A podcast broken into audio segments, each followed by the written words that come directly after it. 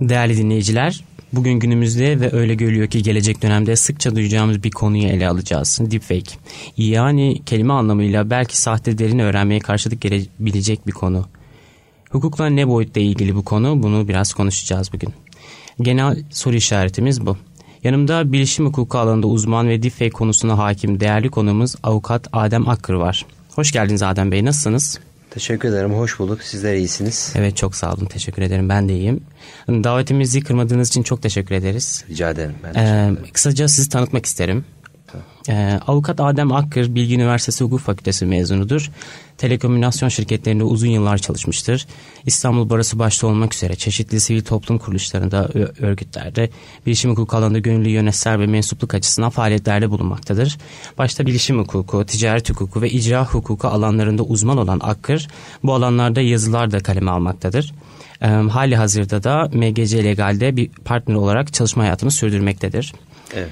Adem Bey e, dilerseniz sorularımıza yavaştan geçelim. Memnun olurum. E, bu Tabii. alan günümüzde pek sık rastladığımız bir alan. E, güzel bir akışta ilerleyeceğimize inanıyorum açıkçası. Hı hı. İlk sorumla başlıyorum. E, deepfake nedir? Kısaca bize açıklar mısınız?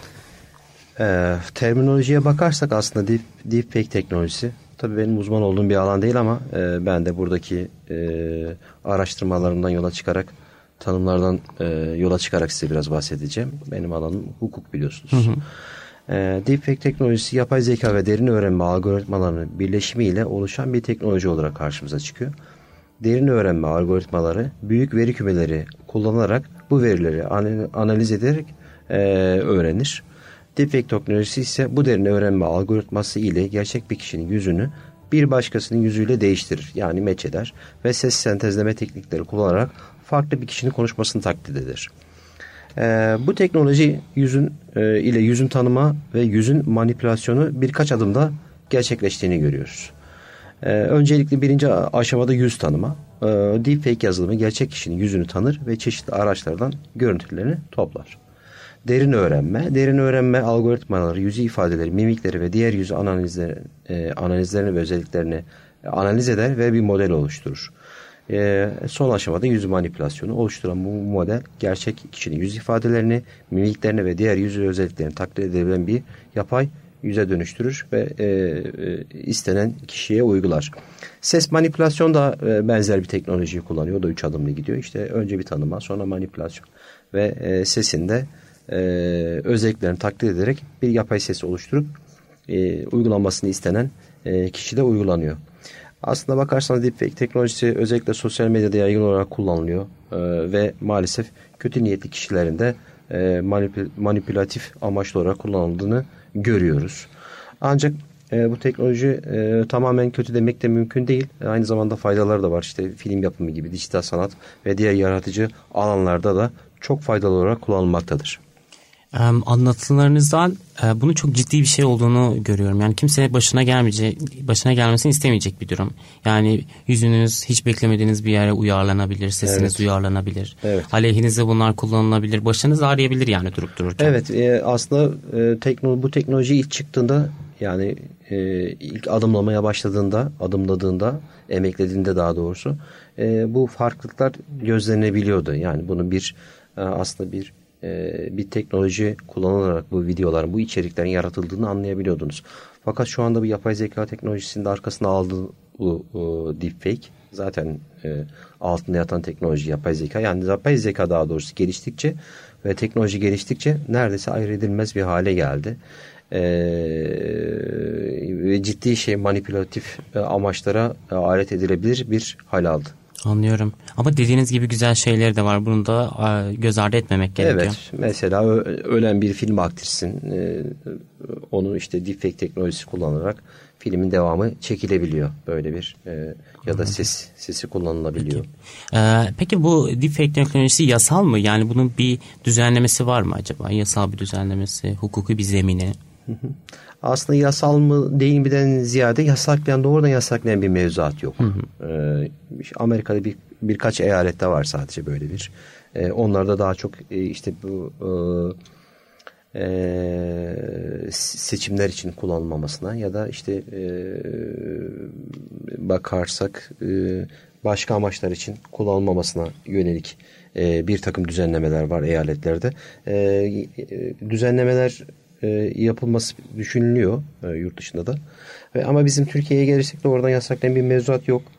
E, dolayısıyla bu teknoloji kullanarak oluşturulan içerikleri denetlerken kullanım amaçları ve yollarına göre yani olaya göre değerlendirmek daha doğru oluyor her vakada. Her şeyden önce teknik olarak deepfake videoları illegal diyemeyiz yani. Bu teknoloji kullanılabiliyor. Fakat işte e, bu Türk Medeni Kanunun bizim ülkemizdeki kişiliğin korunmasına ilişkin hükümlerini ihlal eden içerikler hakkında yargıya müracaat edebiliriz. Hep, hepimiz müracaat edebiliriz ya da e, bu e, içerik yüzünden kişilik hakkı ihlal edilen kişiler bu haklarını kullanabilirler. Yine e, o, Türk Medeni Kanunu'nda işte bu e, düzenleme uyarınca bunun tespitini isteyebilirsiniz. E, giderilmesini isteyebilirsiniz ya da ortadan kaldırılmasını, e, saldırının durdurulmasını isteyebilirsiniz. Bir de bunun doğurduğu zararlar var. Haksız fiil e, e, hükümlerine tabi olan. Burada da Türk Borçlar Kanunu haksız fiil hükümlerine göre e, bu içerikten dolayı bir zarar oluşmuşsa tazmin talebinde bulunabilirsiniz. E, yine kişisel verilerin koruma e, kanunu uyarınca e, bir takım düzenlemeler var. E, aslında bakarsanız e, kişinin e, yüz e, ya da ses gibi e, kişisel verisinden kullanaraktan bu içerikler oluşturuluyor. E, e, bakarsanız da bir biyometrik veri bunlar.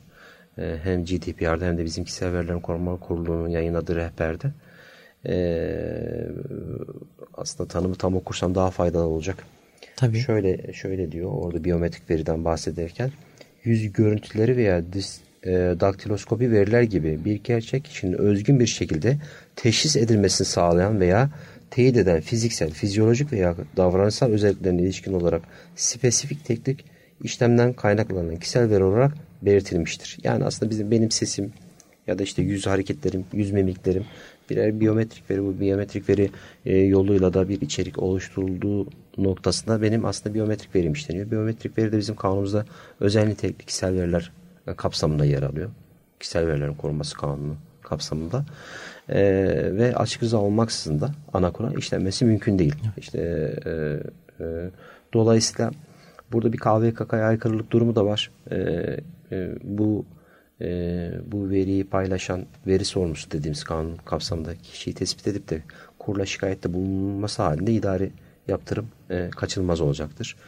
Yine aynı zamanda bu e, her birimizin kendi e, özelliklerimiz e, yani işte resimlerimizin kullanılması, sesimizin kullanılması vesaire bunlar bir fikri sanayi e, e, FİSEK kapsamında da aslında eser kapsamında değerlendiriliyor. Yani örneğin benim bir resmimin bir reklam e, ajansı tarafından bir reklam filminde kullanılması halinde e, FİSEK ihlali var burada. Oradan da bir koruma isteyebilirsiniz.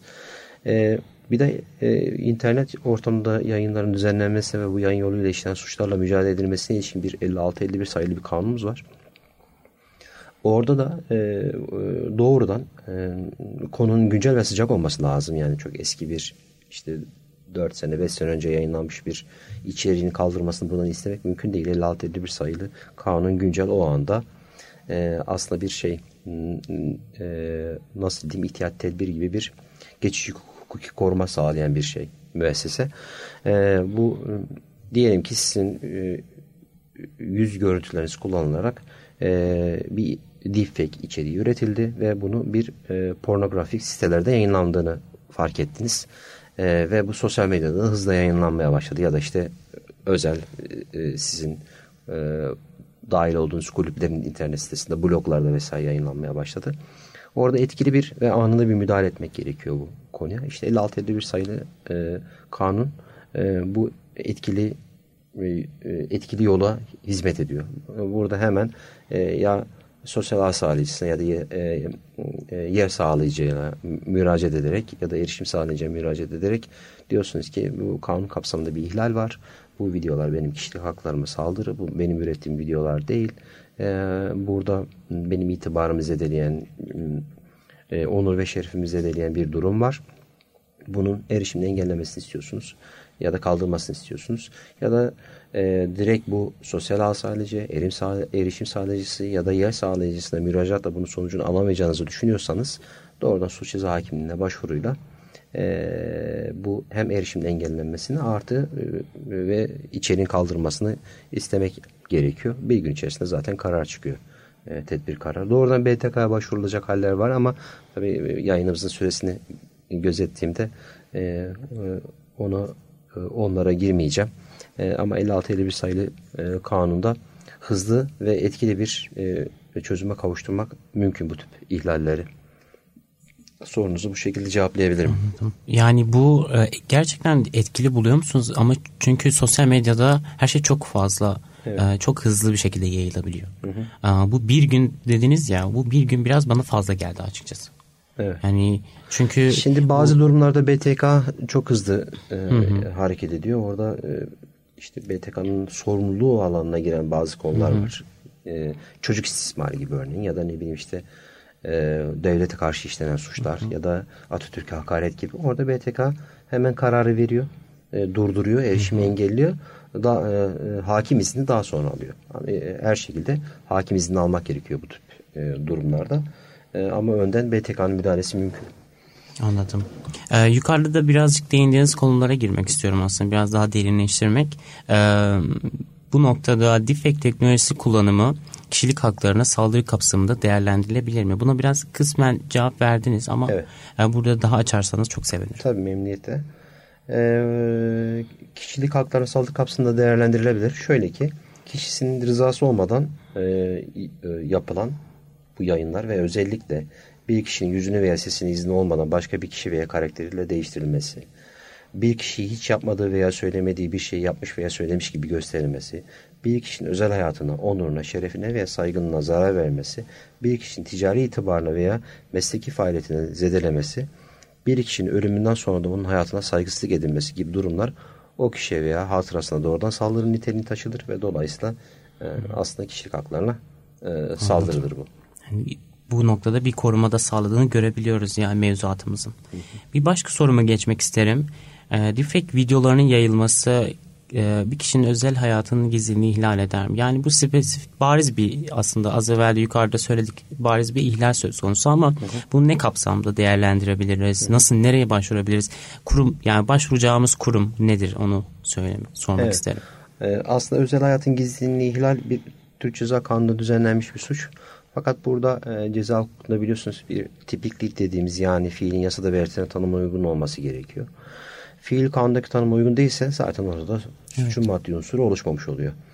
Deepfake videolar daha çok kişi tarafından yapılan paylaşımlardan elde edilen verilerin anlamlandırılması ortaya çıktığı için e, burada bir özel hayatın gizliliğinden bahset, bahsedemiyoruz. Daha çok yani Yargıtay e, kararlarına baktığımızda burada özel hayatın gizliliğine ilişkin 134 değil de 136. maddesinde düzenlenmiş olan verileri hukuka aykırı olarak verme veya ele geçirme suçunu oluşturduğunu görüyoruz hı hı. Bu, bu suç tipinde. Hı hı. Ama özel hayata giren kısmı da olabilir şöyle ki mesela e, e, bu, bu özel hayata giren resimler kullanıldıysa e, örneğin e, bilgisayarda e, kişinin konuştuğu 18 yaşına doldurmamış mağdurun üzerine çıkarmasıyla mağdurun görüntülerini gizlice bilgisayarda kaydetmesi şeklinde gerçekleştiren fiil aslında müstehcenlik ve e, müsteh, müstehcenlik ve özel hayatın gizliliğini ihlal e, olduğuna dair yargıtay kararlar var. Yani bu yolla aslında kişi, karşıdaki kişinin haberi olmadan onun e, e, özel bir görüşme anındaki videolarını kaydedip yine bu işte deepfake teknolojisi kullanarak e, yaymak aslında özel hayatın gizliliğine de girer. Ama bakarsanız doğrudan bu işte 136'daki tanıma daha uygun düşüyor. Hı, anladım. Yani bu noktada özel hayatın gizliliği kanun e, koyucu bakımdan daha özel korunmuş. Yani evet. cezası daha fazla. Evet. E, ciddi, daha da ciddiye alınan bir şey. Yani ee, evet ona keşke kanunu, girebilse diyebiliriz o zaman. Ama yani. işte e, evet. Ceza Kanunu'nda da tanım, açısından. tanımda olması Hı. lazım ki e, e, soruşturma kapsamına alınabilsin. Yoksa suçun maddi unsuru oluşmadığı için soruşturma görmüyor. Anladım. Bir başka soruma geçmek isterim.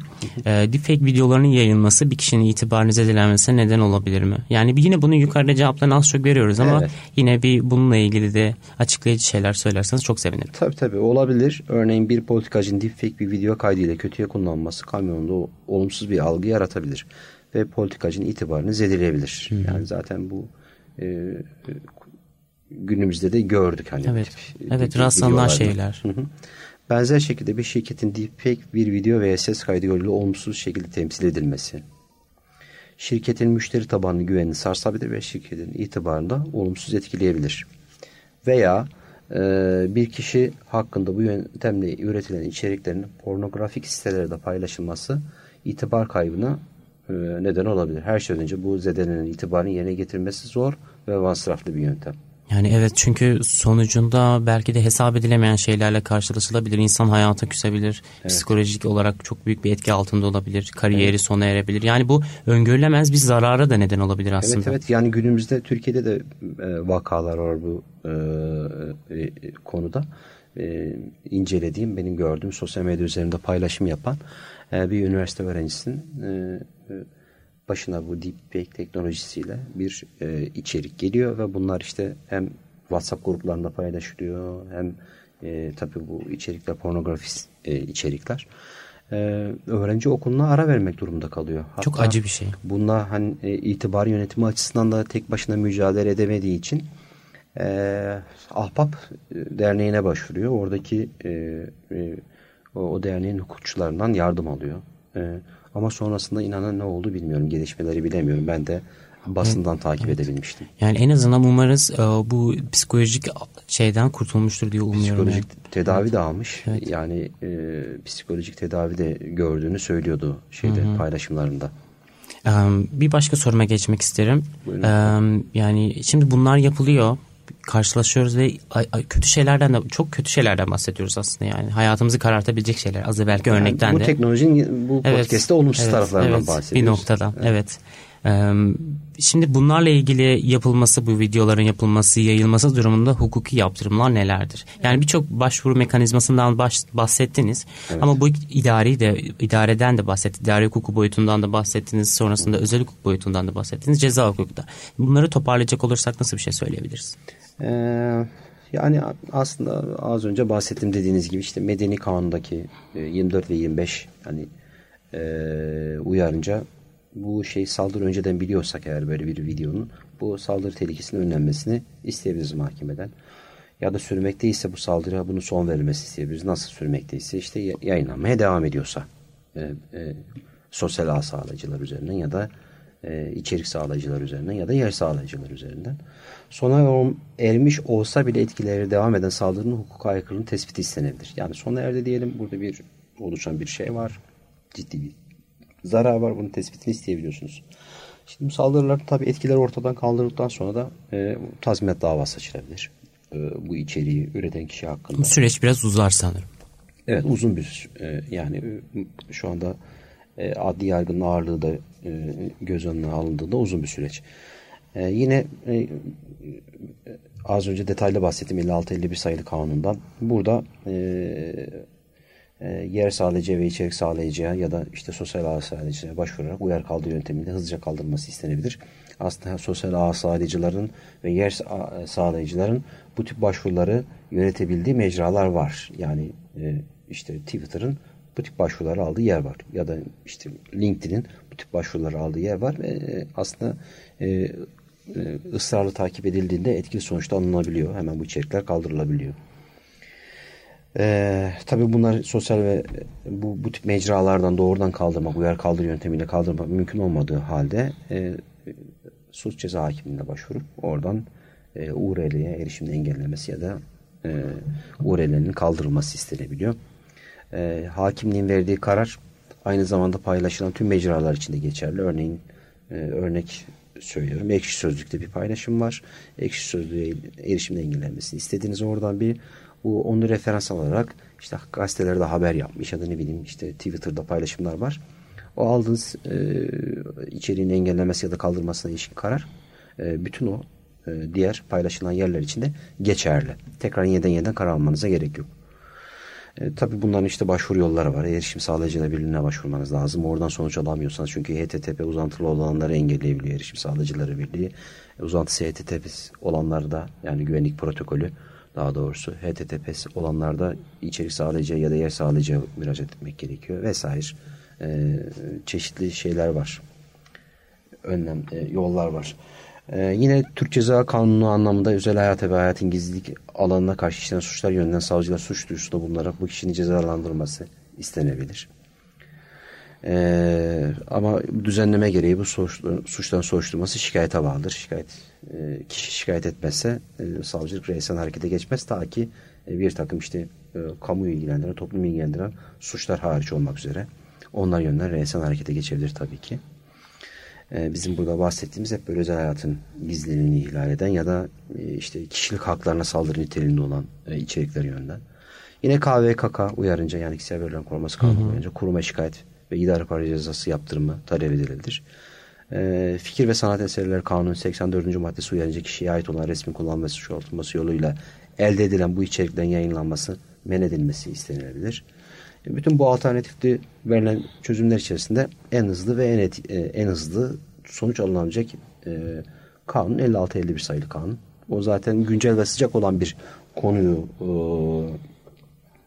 e, e, ele alıp karara bağlayabiliyor. Buna ilişkin e, geçmişte yapılan bir, bir bireysel başvuru vardı Anayasa Mahkemesi'ne konu edilen orada da konuşuydu. Unutulma hakkı çerçevesinde kişi arama motorlarındaki e, bu olumsuz içeriklerin kendiyle ilgili içeriklerin kaldırılmasını istemiş ve e, bunu da suç ceza hakimliğine istemişti. Suç ceza hakimliği de tabi bu talebi reddetmişti. Anayasa Mahkemesi bunu incelediğinde 56-51 sayılı kanunun bir aslında bir geçiş hukuki koruma sağlayan bir şey oldu. Güncel ve sıcak konuları ele alıp incelemeye yarayan bir e, mevzuat oldu. E, onun haricinde genel hükümler çerçevesinde işte Türk Medeni Kanunu ve diğer e, tedbire ilişkin hükümlere uyarınca dava açılabileceğini e, belirtti. Yani burada işte e, iki sene, üç sene önce yayınlanmış bir içeriğin kaldırılması için suç ceza hakimliğine başvuramıyoruz. Güncel ve sıcak olacak işte. E, yani bir hafta, iki hafta, üç hafta her neyse. Yani öğrendim, öğrenir öğrenmez hemen 56-51 sayılı kanunca suç ceza hakimliğine başvurmak gerekiyor. Tabi orada da temel hak ve e, hürriyetlerin e, bir denge testine tabi tutuluyor. Basın hürriyetiyle, evet. basın hürriyetiyle kişilerin e, temel hak ve özgürlüklerine ilişkin hangisi daha ağır basıyorsa yani basında çıkmışsa haber almayı. Ama bizim bu olayımızda deepfake e, basın haber niteliği taşıyan bir şey olmadığı için bu içerikler e, hakimlikten hızlıca sonuç alınabilir. Teşekkür ederim. Bu konuda kişilerin başvurabileceği kurumlar önemliydi. Evet. Ben şimdi podcast'imizde başka bir noktayı sormak istiyorum. Buyurun. Biraz hep olumsuzluklardan bahsettik. ee, yine deepfake bir noktada olumsuz sonuçlar neden olabilir ama yapay zeka ile bir şeyler yapmak günümüzde çok popüler. Evet. Um, bir video yapabiliyoruz, bir yüz tanıması, bir tasarım yaptırabiliyoruz, bir yazı yazdırabiliyoruz. Yapay zekaya, e, yapay zeka ile deepfake videoları da yapabilir miyiz? Zaten yapay zeka ile yapıyoruz aslında deepfake hı hı. videolarını. Ee, bir yapay zeka temelli bir şey, e, teknoloji. Ee, e, bunun antisi yani karşısında bu olumsuz içeriklerin tespitinde yine yapay zeka teknolojisi de sağlamak e, mümkün olmalı diye düşünüyorum. Hı hı. E, tabii yapay zeka teknolojileri geliştiği için yani deepfake teknolojisi e, her zaman bir şey olacak, açığı olacak. Fakat e, bunu önlemek için yani bu olumsuz içerikleri bir videonun yani deepfake teknolojisiyle yapılıp yapılmadığını tespiti için de yine bence yapay zekayı kullanabiliriz. Orada e, bu içerikler, hatalar, içeriklerdeki hatalar ve tutarsızlıklar analiz edilerek sahte mi veya gerçek mi e, bunun tespitinden faydalı olabilir. E, ama dediğim gibi deepfake videolarda sürekli geliştireyim bu teknolojiler her zaman işe de e, yaramayabilecektir.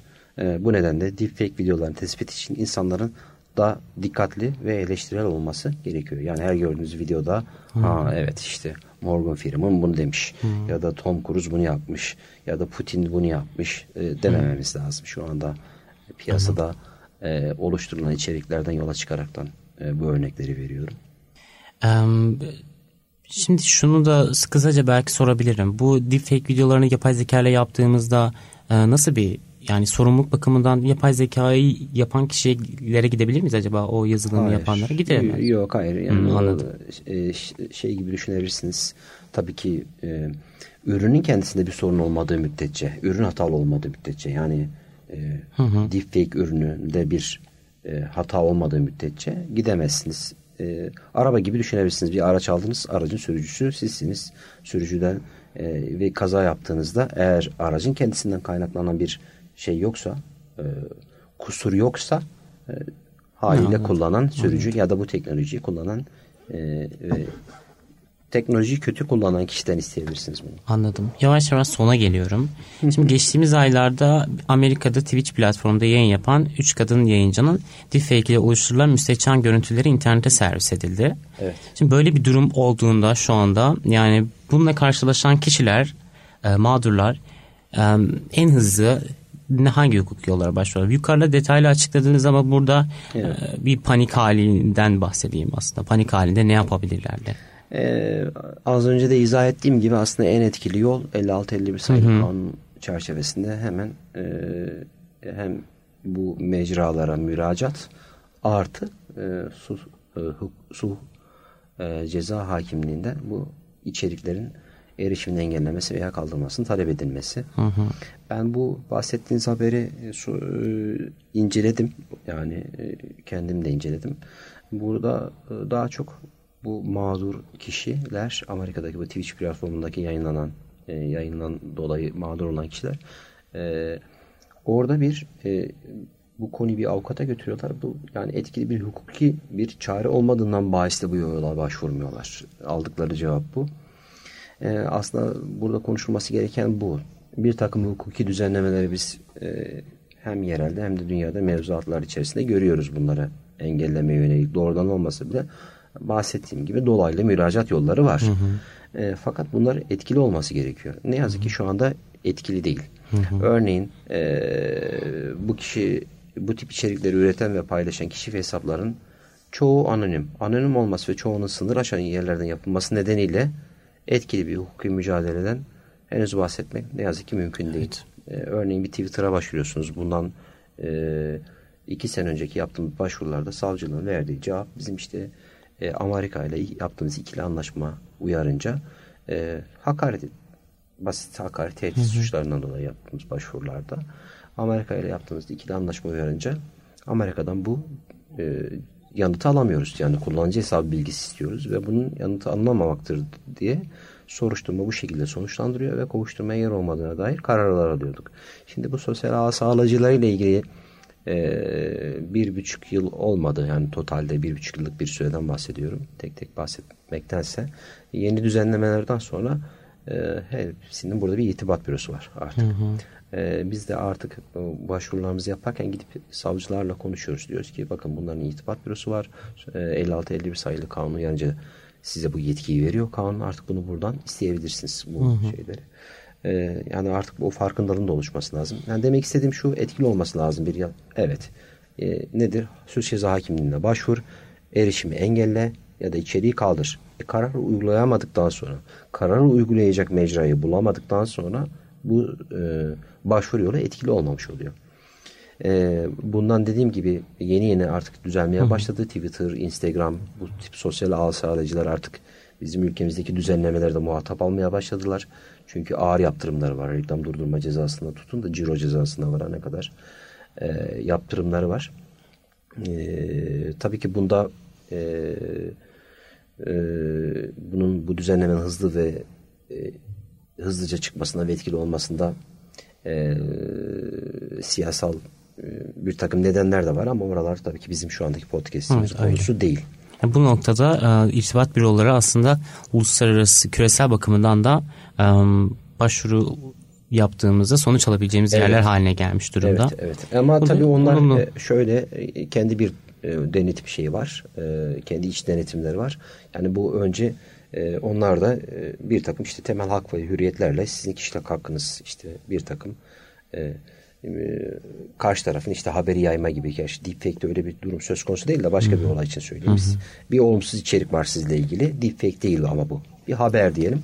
Hani işte insanların haber almasıyla ki sizin kişilik hakkınıza ilişkin o denge testini yaptıktan sonra oradaki irtibat bürosundaki e, kişiler karar veriyor buna artık. Hukukçu vardır muhtemelen Hı-hı. öyle düşünüyorum çalıştıkları. Eee E, dolayısıyla yine etkili değil. Yani orada e, Twitter örneğin işte e, her şeyin serbestçe yazıldığı bir özgürlükler platformu gibi e, tanıtılıyor. son sorumdan önce yani şey söylemek istiyorum açıkçası. Bu deepfake ile ilgili mücadele edebileceğimiz kurumlarımız var bizim yasal mevzuatımızda. Evet. Ama bunlar tabii dediğiniz gibi etkili olamayabiliyor. Evet. Yani hukuk her yere yetmiyor zaten. Her yere yetmesini de beklememeliyiz. Hı hı. Ee, en son sorum da şöyle o zaman. Yani deepfake videolar ile mücadelede hukuk harici hangi çözümlere başvurulabilir? önerileriniz nedir bu alanda uzman birisi olarak? Evet. Şimdi esasında hep konuştuğumuz şey e, yani bir yer, bir çarelerden bahsediyoruz ama e, illa bir aması oluyor bunun hı hı. E, yargı alanında. Aması ne etkili değil, hızlı değil, e, masraflı gibi. İşte yargıyla aranan hukuki çareler daha çok yaşanan fiili e, bertaraf etmeye ve veya doğrudan zararını tazmin etmeye yönelik olmakta. Oysa ki bu yolla mağdura tam bir tatmin yaşatmak da mümkün değil. İşte bu nedenle bu teknolojinin yaratacağı zararları azaltacak önleyici tedbirler almak daha önemli. Bu doğrultuda da e, daha önce de bahsettiğimiz yapay zeka ve benzeri teknolojileri kullanarak bu içeriklerin yer sağlayıcılar ve sosyal ağ sağlayıcılar tarafından yayınlanmadan engellenmesi mümkün olmalı. Yani bunu aslında e, önermeliyiz, teşvik etmeliyiz. Önleyici bir mekanizma. Evet. Ciddi bir önleyici evet, mekanizma. Hem yer sağlayıcılarda hem de evet. sosyal ağlayıcılar e, nezdinde. Madem e, böyle bir mecra açıyorsunuz, siz insanlara böyle bir e, özgürlük alanı yaratıyorsunuz. Bunun denetiminde ne siz sorumlusunuz? Yani diyelim ki bir meydan yapıyorsunuz. Bir e, işte günümüz hayatında şöyle düşünelim. Sizin bir arsanız var. O arsanı meydana çeviriyorsunuz. Diyorsunuz ki herkes gelsin burada bağırsın, çağırsın. E, ama oradaki e, o meydandaki bağırmalardan, çağırmaların sonucunda ortaya çıkarak hukuksuzluklardan da e, aslında bakarsanız e, o mecrayı sağlayan kişi olarak siz sorumlu olmanız lazım. Onu Hı-hı. önlemeniz lazım. Evet. Bir kurallarına oturmanız lazım. Bir e, var bir takım yazılı etik kurallar ama e, etkili değil bence. O tarafta da sosyal ağ sağlayıcıları ve yer sağlayıcılara çok iş düşüyor. Biliyorum reklam gelirleri çok yüksek ve güzel reklam ücretleri alıyorlar ama bu tarafta da insan hayatını doğrudan etkileyen bir e, teknolojinin oluşturacağı zararları da engelleme yönelik yatırımları da yapmaları gerektiğini düşünüyorum. Bu, bu yine hani işte bu mücadele işbirliği içinde bir standartlar oluşturulması gerekiyor. Örneğin deepfake teknolojisi kullanan ve üreten kuruluşlar, üniversiteler, sivil toplum kuruluşları ve devlet kurumları arasında iletişimi ve iyileştirmeyi sağlayan bir ortak platform oluşturulabilir. Benim önerim. Deepfake teknolojisinin etik ve yasal çerçevesi belirlenebilir ki bu yapılıyor nispeten. Sektörel standartlar oluşturulabilir ve denetim mekanizmaları geliştirilebilir. Anlıyorum. Yani deepfake'in bugün olumsuz yönlerinden bahsettik. Yani evet. hayatı gerçekten e, açıkçası mahvedebilecek bir duruma gelebilir. Deepfake video sayesinde. Geliştiği, nedeniyle. geldiği aşama evet. açısından bakarsanız ayırt edilemez bir hale geldi. Evet. Yani siz hukuki yollarından başvurdunuz. Nerelere başvurabiliriz? İdari, yargı, özel hukuk bakımından. en sonunda da kendi görüşlerinizi ifade ettiniz. Evet. Yani özetle bundan korunmak için bizim biraz temkinli davranmamız gerekiyor. Tabii, Tabii sadece bize değil. Kişiler de sorgulayıcı olması lazım bu videolar yönünden.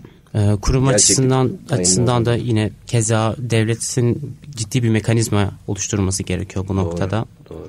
Ee, bize bugün geldiniz ve değerli bilgileri verdiğiniz için çok teşekkür ederiz. Ben teşekkür ederim. Ee, tanıdığınız için. Çok sağ olun. Biz çok memnun kaldık açıkçası. Ee, yayınımızı da sonlandırıyoruz. Duymaktan daha fazlasını hissetmek için bizimle kalın.